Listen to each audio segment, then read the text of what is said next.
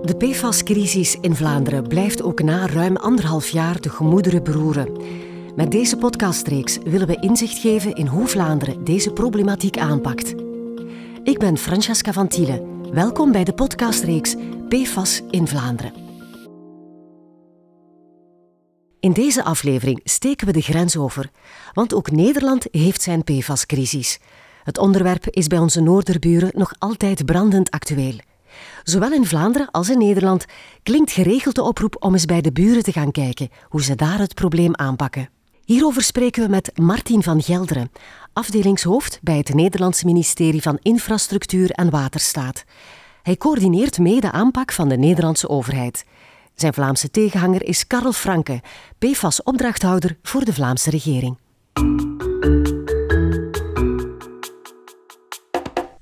Martin, Karel, van harte welkom. Dankjewel. Goedendag. Karel, in Vlaanderen is uh, ons PFAS-probleem aan het licht gekomen anderhalf jaar geleden met de werken aan, aan uh, Oosterweel in Antwerpen. Mm -hmm. um, was de link met 3M snel gelegd? Ja, toch wel. Hè. Dus daar is het uh, eigenlijk aan het licht gebracht, vooral eigenlijk door uh, acties van een klokkenluider, die uh, zeer sterk is op beginnen wijzen dat er een connectie was tussen de, de fabriek van 3M, die daar zich vlak naast de werfzone bevindt, waar de Oosterweelwerken gepland worden om een, en waar een tunnel onder de Schelde wordt geboord. 3M ligt natuurlijk midden in Zwijndrecht. Um, hoe groot is daar de vervuiling, Karel? Wel, dus uh, ja, het is zo, er wonen mensen op, op 100 meter van de grens van die fabriek. Er worden zeer hoge niveaus gemeten in de bodem. Dat gaat tot ja, meer dan 1000 microgram per kilogram. Uh, wat als een zeer hoge waarde kan aanzien worden voor bodemverontreiniging. En uh, er zijn dan verder metingen gebeurd, verder door naar het dorp. Je ziet dat die verontreiniging snel afneemt in de bodem uh, met de afstand. Maar uh, dat toch op niveau zit uh, die het nodig maken, zoals nu gepland, om een sanering te doen. Dus er is nu beslist om de, in de woonwijken dichtst bij de fabriek zelf, om daar de toplaag af te graven. Martin, wanneer is in Nederland de vervuiling met PFAS voor het eerst onder de aandacht gekomen? Dat is al een tijdje geleden. Dat is eigenlijk voor het eerst in 2015. Dat was in Dordrecht, rondom de sites van uh, Gemoer. Naar aanleiding van onderzoek van journalisten, toen werd bekend dat daar toch weer hele grote hoeveelheden PFAS werden geloosd. Ja, en wat was de eerste reactie? Want uh, je zegt zelf, dit was uh, oorspronkelijk door journalisten aan het licht gebracht. Iedereen schrok. Uh, er was wel veel minder bekend over PFAS dan nu. Dus er volgde ook nog heel veel onderzoek. Maar dat het een stof was die niet oké was, dat was natuurlijk duidelijk. Want PFOS, een van de stoffen uit de PFAS-groep, die was al eerder verboden, dus dat het geen fijne stoffen waren was bekend.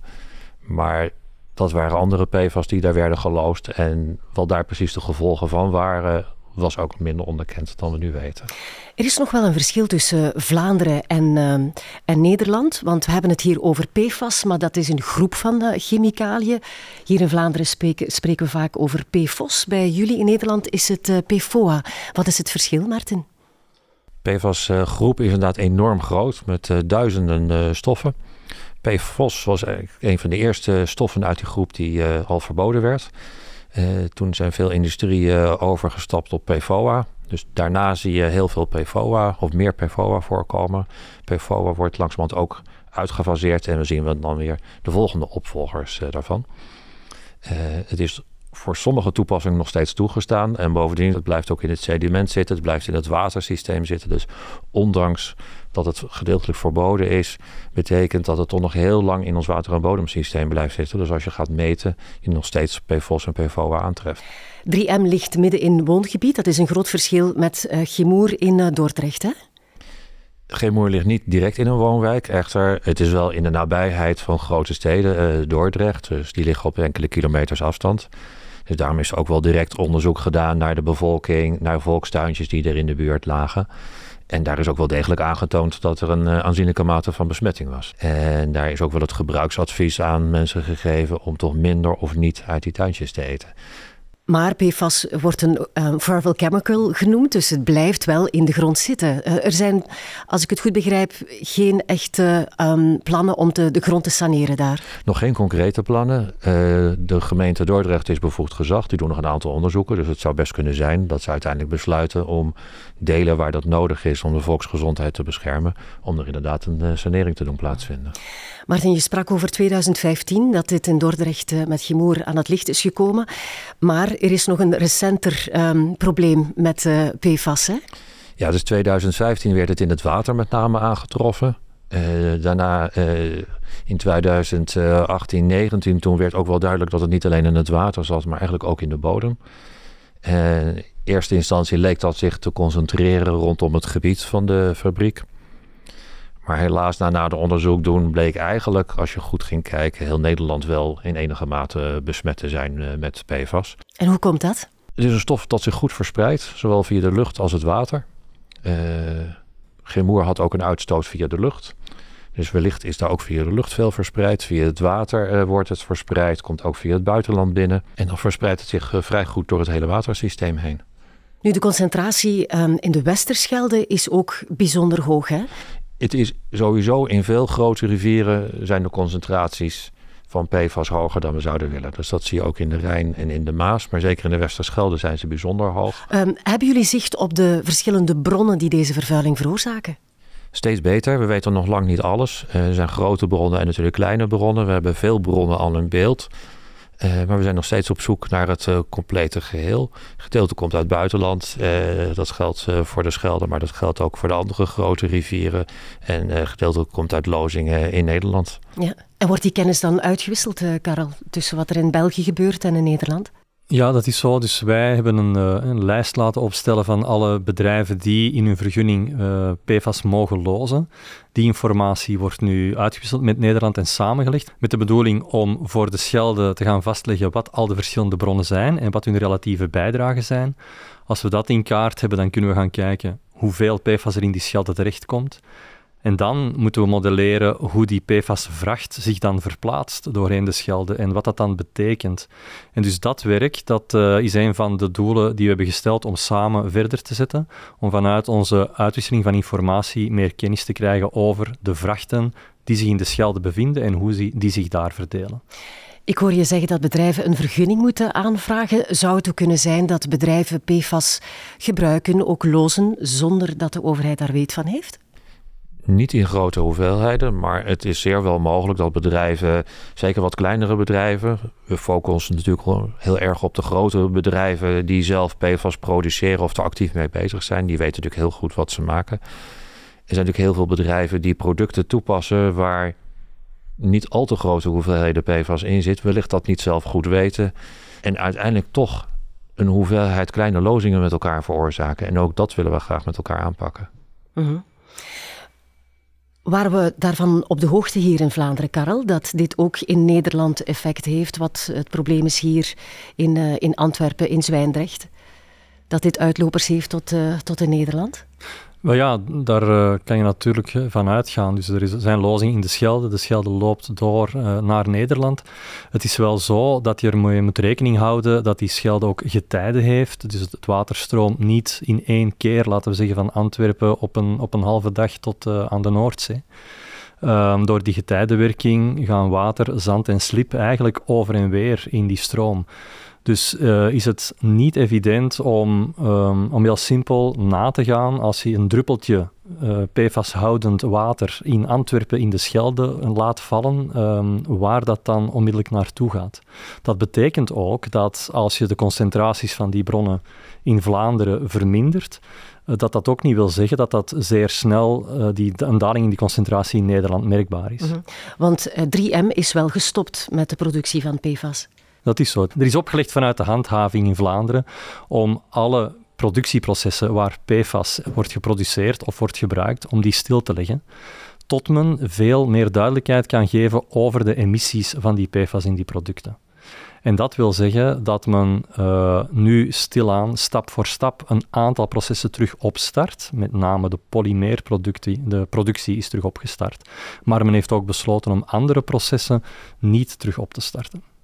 We hebben het hier vooral over de leefomgeving, de impact op de leefomgeving, maar hoe zit het met onze gezondheid? Karel? Wel, er zijn studies die aantonen dat PFAS-blootstelling leidt tot gezondheidseffecten. Uh, dat gaat dan vooral over verstoring van immuniteit, verstoring van de hormonenbalans. Ook een aantal kankers uh, kunnen gecorreleerd worden aan PFAS-blootstelling. Daling van geboortegewicht van, van baby's. Die elementen die zijn aangetoond op basis van epidemiologische studies. En geldt dat zowel voor PFOS als PFOA? Er zijn uh, enige verschillen in die effecten. De PFOS zal eerder inspelen op de levereffecten, de PFOA eerder op de immuniteitseffecten. Dus dat verschilt enigszins van component tot component. Maar als groep kunnen we wel zeggen dat er inderdaad uh, gezondheidseffecten zijn. We zien ook dat een aantal van die moleculen um, dat men die niet langer mag produceren. PFOS, PFOA zijn genoemd. Die worden vervangen door nieuwe producten. En ook daar kunnen we gelijkaardige gezondheidseffecten verwachten. Het is natuurlijk heel begrijpelijk als dit nieuws uh, publiek wordt gemaakt, dat er grote bezorgdheid is bij de bevolking. Martin, wat is bij jullie de reactie geweest? Hoe heftig is die geweest? Zeker eerst lokaal, natuurlijk in Dordrecht, rondom de fabriek, is in hun eigen leefomgeving uh, van de bevolking. Ook een fabriek die werkgelegenheid biedt. Dus dat is altijd een beetje een uh, tweezijdige verhouding. uiteraard onrust. je wil groente uit je eigen tuin kunnen eten. Wat gebeurt er met mijn kinderen? Uh, dus dat was eigenlijk wel het eerste wat er gebeurde. Vervolgens hebben wij als overheid zijn de regels aangescherpt, met name voor het gebruik van grond. En dat heeft dan een grote weerslag op weer de verwerkers en de transporteurs van grond gehad. Mhm. Want die vonden het wel weer heel erg lastig dat er weer heel scherpe regels aan werden gesteld. We hebben het nu over 2015, dus er zijn toen meteen zeer strenge normen opgelegd.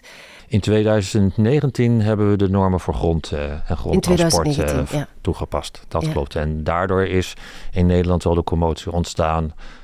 Zijn die normen niet te streng aan de ene kant, aan de andere kant natuurlijk grote Want dit had ook effect uh, op andere sectoren, zoals de bouwsector. Zeker, want we moesten op basis van de onderzoeken normen vaststellen voor het gebruik en toepassen van grond. Iedereen werd begrijpelijkerwijs heel voorzichtig. En vervolgens ontstond er natuurlijk stagnatie uh, op het gebied van verwerken en toepassen van grond op mhm. sommige gebieden. Mm Karel, hoe is er hier vooral gecommuniceerd met op de eerste plaats met de buurbewoners, maar aangezien dat we nu ook weten dat het een verhaal is over heel het land, met de burgerbevolking, hoe hebben jullie dat aangepakt?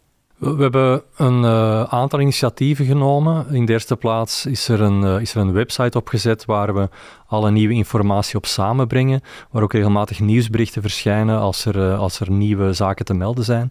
Anderzijds hebben we zeer snel ook een mailbox opgezet, pfas.vlaanderen.be, waar mensen vragen kunnen stellen. En we zagen, zeker in die eerste periode, dat daar zeer veel vragen op, op toekwamen.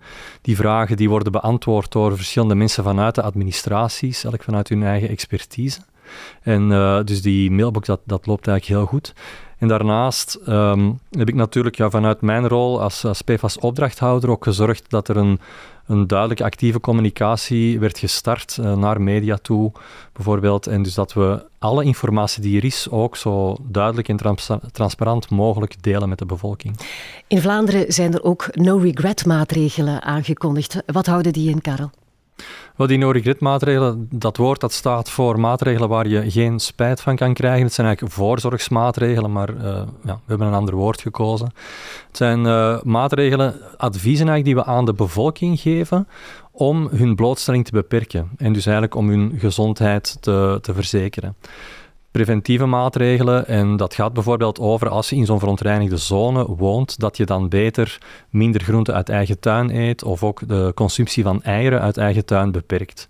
Dat soort adviezen wordt vanuit het agentschap Zorg en Gezondheid gegeven voor die plaatsen waar er een verhoogde concentratie aan PFAS is gemeten.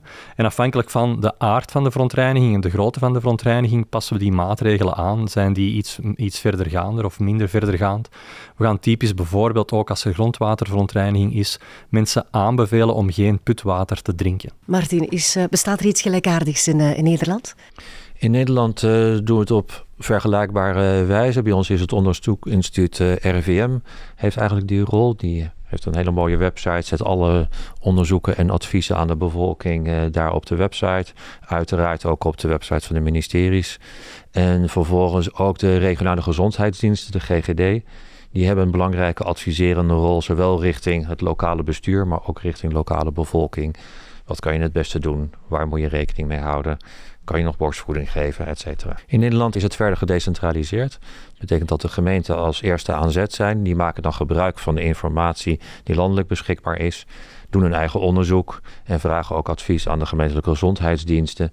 En op basis daarvan adviseren zij de bevolking of nemen zelf uh, verdergaande maatregelen omdat Vlaanderen en Nederland toch gelijkaardige ervaringen hebben, is er toch besloten om meer met elkaar te communiceren over de aanpak. Um, hoe verloopt die samenwerking? Wanneer is die tot stand gekomen? En wat is daar al uit geleerd, Martin? Eigenlijk is de samenwerking tussen Vlaanderen en Nederland al uh, ouder dan de samenwerking die we nu hebben. Dus voor de PFAS-tijd. Dus de OVAM, uh, de VITO en andere instellingen, daar wordt heel veel kennis al uitgewisseld. En zeker dat is geïntensiveerd nu we met het Westerschelde-verhaal bezig zijn. Uh, en dat loopt uitstekend. Er wordt heel veel van elkaars kennis gebruik gemaakt. Karel en ik, nou, die bellen elkaar misschien wekelijks of hebben anderszins contact. En op die manier zorgen we ervoor dat de kennis die wij hebben naar Vlaanderen gaat, die Vlaanderen heeft naar, naar ons toe gaat. We verrassen elkaar niet met brieven of andere maatregelen. En zo kunnen we samen optrekken. Ja, kan je dat wat concreter maken, Karel? Wat, wat hebben jullie bijvoorbeeld al geleerd van de aanpak in Nederland? Um, wel, misschien eerst om het nog concreter te maken. Ik ben in juni 2021 gestart uh, en reeds in september 2021 ben ik uitgenodigd door de provincie Zeeland om daar een toelichting te gaan geven bij de provinciale staten. Het was een zeer brede gespreksavond over PFAS en de problematiek, waar we ook heel duidelijk hebben kunnen maken hoe in Vlaanderen dat probleem echt wel wordt aangepakt. Ik was daar vergezeld ook door mensen vanuit de, de milieuvergunningen en de administratie, om echt toelichting te geven dat we dit, dit probleem echt grondig aanpakken en met de nodige kennis van zaken daarmee bezig zijn. Uh, en dat heeft geleid tot, uh, tot verdere contacten. En zodra dan inderdaad in Nederland ook die PFAS-coördinatoren zijn aangesteld, zowel op niveau van Zeeland als uh, op niveau van het Rijk, is daar onmiddellijk een, een grote uitwisseling geweest. Hè. Laten we het dan ook even hebben over de aanpak hè, van, uh, van hoe kunnen we die PFAS uit onze leefomgeving verwijderen. Um, hoe wordt, dat, uh, hoe wordt dat gedaan? Want het zijn, het zijn zeer moeilijk afbreekbare chemicaliën, Karel. Ja, um, het is moeilijk afbreekbaar en dat maakt ook dat ze moeilijk te, te vangen zijn, eigenlijk, om zelfs om zo te benoemen. Um, en dat betekent ook dat we eigenlijk een aanpak moeten hebben op verschillende fronten. Um, daar waar die bodemverontreiniging echt zorgt voor blootstelling van mensen en voor een risico voor de gezondheid, daar moeten we die PFAS uit de bodem verwijderen. Anderzijds moeten we zorgen dat daar waar het via water wordt geloosd in de rivieren, dat het water wordt gezuiverd tot niveaus die aanvaardbaar zijn. En uh, om dat te doen, wel ook om, wanneer je die bodem ontgraaft en wil wassen, dan komt de PFAS ook in het water terecht, in een waterfase. Dus dan moet het opnieuw uit dat waswater uitgehaald worden. Dat kan door het te absorberen op actieve kool. Dat is een, uh, een zwart poeder van koolstof gemaakt. En uh, dat zwart poeder, dat houdt van die PFAS. En dus de PFAS worden daarop geabsorbeerd. Maar het gevolg is natuurlijk, als je die waterzuivering hebt gedaan, dan zit je met die beladen actieve kool waar je weer mee verder moet. En wat gebeurt daar dan mee? Die kan ofwel verbrand worden, ofwel wordt ze gestort. Maar we moeten ons ook realiseren dat uh, als je die actieve kool op een stortplaats brengt, die PFAS daarin zit en op zeer lange termijn er nog altijd terug zal uit kunnen uitlogen, waar ze terug in de waterfase terechtkomt. En als ze verbrand wordt, kom, komen er dan weer deeltjes in de lucht terecht? Um, wel, in principe wordt in een verbranding worden die PFAS afgebroken. Ze worden uh, minstens ingekort tot zeer korte ketens en waarschijnlijk volledig omgezet naar CO2. Daar loopt onderzoek. Het is heel belangrijk dat we goed weten dat uh, als we dat die PFAS in verbrandingsprocessen brengen, dat ze inderdaad volledig worden afgebroken. Anders is er een risico dat ze tot broeikasgassen zouden omgezet worden. Dus we moeten weten dat ze omgezet worden in CO2. En dat onderzoek loopt. Er lopen specifieke meetprogramma's nu om uh, ons ervan te verzekeren dat die verbranding een veilige route is. Hoe gebeurt dat bij jullie in Nederland, Martin? Dat is vergelijkbaar. Uh, natuurlijk, als er een zodanige blootstelling is via de bodem of via het water, moeten we die proberen terug te dringen door een gerichte saneringsmaatregel. Ook wij kijken naar lozingen. Uh, en waar mogelijk en nodig zal er inderdaad het PFAS uit moeten worden gehaald. Echter, het vervelende is dat PFAS natuurlijk zomaar steeds in het systeem blijft. Dus daarmee is wel de meest belangrijke maatregel waar we aan werken, is echt het bronbeleid. En daarom zijn we ook bezig in de EU om te zorgen dat uiteindelijk zoveel mogelijk van de PFAS verboden worden. En zijn we ook in Nederland bezig met een actieprogramma om bedrijven te stimuleren, vooruitlopend erop, om het gebruik van PFAS sowieso in hun eigen bedrijfsprocessen te verminderen. Want hoe minder PFAS we uiteindelijk maken, hoe minder er in het milieu komt en hoe minder we er uiteindelijk weer uit moeten halen. Is dat ook jouw stelling, eh, Karel, dat we beter moeten gaan voor een, ja, een, een, een verbod, zeker binnen Europa, op het gebruik van PFAS? en is dat, eh, haalbaar? Wel, is absoluut zo. We ondersteunen zeer sterk het initiatief dat Nederland met andere landen samen heeft genomen om die volledige uitfasering, dat volledige verbod op PFAS, om dat mogelijk te maken. Dat is natuurlijk een proces dat enige tijd duurt, uh, dat nu wordt opgestart. En intussen is het belangrijk om bedrijven op te roepen om al proactief op zoek te gaan naar, uh, naar, naar vervangproducten, naar substituenten.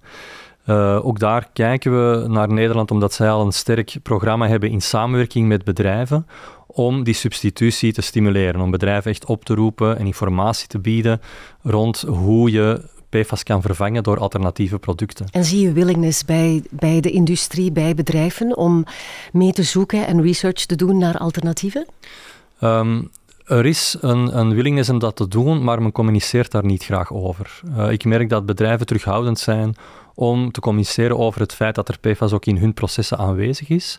Maar uit contacten met milieudeskundigen, met milieucoördinatoren, leid ik wel af dat er veel bedrijven daarmee bezig zijn. En dus het is ook onze bedoeling om nog veel meer de industrie aan te spreken en hen van informatie te voorzien om die substitutie mogelijk te maken. Tegelijk uh, moeten we echt op dat Europees niveau samenwerken met verschillende lidstaten en gaan we die samenwerking met Nederland ook versterken om op de Europese agenda PFAS nog duidelijker naar voren te brengen. Naast die uitfasering is er nood aan actie op het vlak van etikettering, bijvoorbeeld op het vlak van normering van voedingsproducten en, en food contact materials, voedingscontactmaterialen, verpakkingen bijvoorbeeld. En in al die elementen um, zal Europa nog met duidelijker initiatieven komen en dat kunnen we als lidstaten zeer sterk stimuleren op basis van alle kennis die we nu hebben verzameld. Goed, laten we het dan even hebben over ja, de verantwoordelijkheid van de bedrijven. We hebben het in uh, België over 3M, we hebben het over Chemour in, uh, in Dordrecht in, uh, in, Nederland. Wat is de reactie geweest van de betreffende bedrijven, Martin? We hebben ze natuurlijk aangesproken op een grote hoeveelheid lozing. Daar zijn ze naar gaan kijken. Dat was een weerbarstig gesprek uh, in eerste instantie. Omdat men natuurlijk op zoek moest van... ja, kunnen wij wel zonder het productieproces aan te tasten inderdaad de hoeveelheid uh, lozingen verminderen. Dus daar is wel een stevige discussie over uh, heen gegaan. Maar uiteindelijk er stapsgewijs hebben ze ingezien dat ze natuurlijk wel moesten handelen en ook wel konden handelen. Maar er is geen verbod opgelegd? Uiteindelijk is wel de vergunning aangescherpt. Zeker. En, en kan je daar een getal op plakken van, van waar komen ze en naar waar zijn ze gegaan? Ja, de vergunning uh, oorspronkelijk was 6400 kilogram per jaar in het water alleen al. En uiteindelijk is nu de vergunning naar uh, eh, 6 kilogram uh, per jaar. Ja. En die wordt nog ineens opgevuld. Ja. Is er ook een, eh, een, een vergoeding betaald voor uh, de, de vervuiling die ze veroorzaakt hebben? De gemeente heeft uh, geen moer aansprakelijk gesteld. Ja. En is daar al een, eh, een uitkomst over? Nee, er is nog geen uitkomst ja, Goed. Hoe zit het in, uh, in Vlaanderen? Laten we even vergelijken, Karel. Ja, dus in Vlaanderen is um, wel, vele mensen denk ik hebben de, de beelden wel gezien. Hè. Er zijn bevragingen geweest bij, bij 3M. Ze zijn ook uitgenodigd in het Vlaams parlement om uitleg te komen geven. En uh, daar ontkenden ze aanvankelijk toch Um, het feit dat er lozingen naar de lucht gebeurden vanuit hun fabriek, um, is er ook heel veel discussie geweest rond de gezondheidseffecten van die, van die PFAS. Dus dat was inderdaad, een beetje zoals Martin zegt, ook geen gemakkelijk gesprek. Tegelijkertijd zijn natuurlijk ook uh, de lozingsnormen aangepast. Uh, is de vergunning eerst aangepast voor lozingen naar water. Ja, wij spreken meer in concentraties uh, mm -hmm. dan, in, dan in die kilograms. Dus bij ons die teruggebracht naar 0,1 microgram per liter lozingen in de Schelde. Komende van? Um, en die kwam van 200, als ik me niet vergis. Dus dat is echt ook al een, een sterke aanscherping geweest. Ja. ja.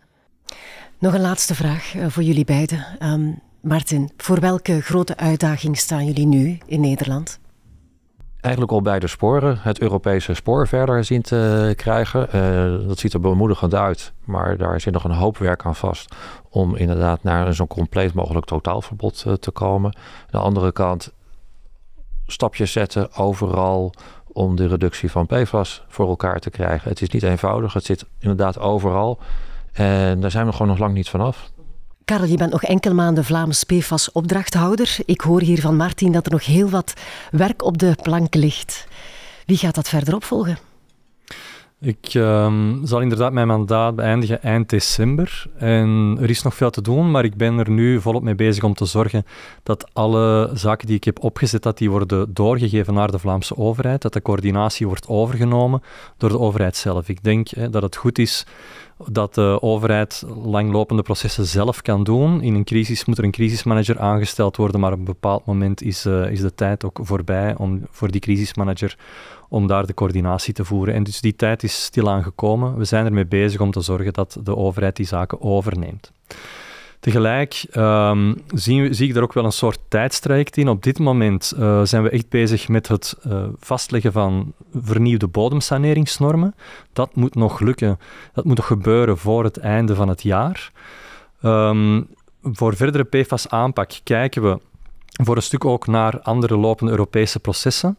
We zien dat er op Europees niveau nieuwe voedingsnormen aankomen. Voor PFAS vanaf 1 januari worden die van kracht. Dan zal bijvoorbeeld voor eieren de PFAS-norm zeer sterk verlagen.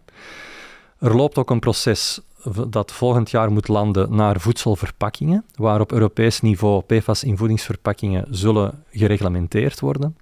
En dan start begin volgend jaar het uitfaseringsproces. Dus dat is een proces waarin verschillende Europese landen gaan samenzitten om PFAS te verbieden in alle niet-essentiële toepassingen. En dat proces moet landen begin 2025. En het is in dat proces dat we zeker zullen moeten samenwerken met Nederland. Het initiatief daar is gekomen van Nederland en andere landen. En alle informatie die we nu hebben opgebouwd in mijn werking het voorbije anderhalf jaar, zal aangeleverd worden in dat proces om die uitfasering mogelijk te maken. En zo zien we dus dat er op die iets langere termijn ook acties gepland zijn. Als dat uh, allemaal zijn voortgang kan vinden, dan zal de blootstelling van de mensen verminderen, waardoor we al een belangrijk deel van het probleem hebben opgelost. We gaan niet alle problemen oplossen door sterke bodemsaneringsnormen of alleen emissies. We moeten ook aan die uitfasering werken. Goed, dankjewel Karel Franke en uh, Martin van Gelder voor jullie toelichting. Graag gedaan. Graag gedaan. Dit was de tweede aflevering in de podcastreeks PFAS in Vlaanderen. In de volgende aflevering stellen we ons de vraag: en nu? PFAS wordt nog altijd gebruikt in heel wat industriële processen en daar moeten we vanaf. Maar is dat wel haalbaar? Graag tot dan. Wil je meer weten over de PFAS-problematiek in Vlaanderen? Surf dan naar vlaanderen.be-pfas-vervuiling.